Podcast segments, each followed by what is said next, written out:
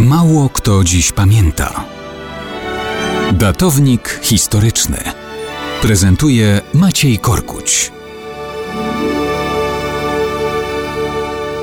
Mało kto dziś pamięta, że 25 listopada 1034 roku wyzionął ducha król Szkocji Malcolm II. Rządził prawie 30 lat. Czyli los mu sprzyjał, chociaż objęcie tronu umożliwiło mu zabójstwo poprzednika Kennetha III, skądinąd jego kuzyna. Malcolm zabił nie tylko syna Kennetha III, ale także wszystkich męskich potomków nieżyjącego już władcy. Tron szkocki zmienił się w ten sposób w prawdziwe, gorące krzesło.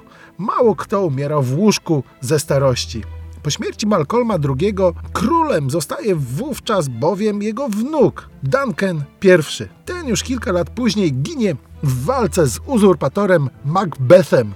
Tak, tak, tym, którego znamy pod uproszczonym imieniem Macbeth z luźnej wariacji Szekspira na jego temat. Macbeth więc tron obejmuje, ale gra o tron trwa już w najlepsze. Mimo różnych sukcesów w końcu i on zostaje obalony, pokonany i zamordowany przez syna Duncana Malcolma III, zwanego po celtycku Cen Mor, czyli Wielka Głowa. On rządził długo, ale w 1094 roku ginie w walce z Anglikami. Tron szkocki obejmuje przemocą jego brat Donald III. Szybko jednak jest wygnany przez syna Malcolma Wielkiej Głowy, który zostaje królem jako Duncan II. Ten po kilku miesiącach zostaje zabity. Na tron wraca sędziwy już Donald III, ale obala go drugi syn Malcolma, Edgar. Po tym Donald zostaje oślepiony i umiera w więzieniu. Dopiero Edgar porządzi 10 lat i umrze tak po prostu, nieoślepiony, nieobalony i niezamortowany.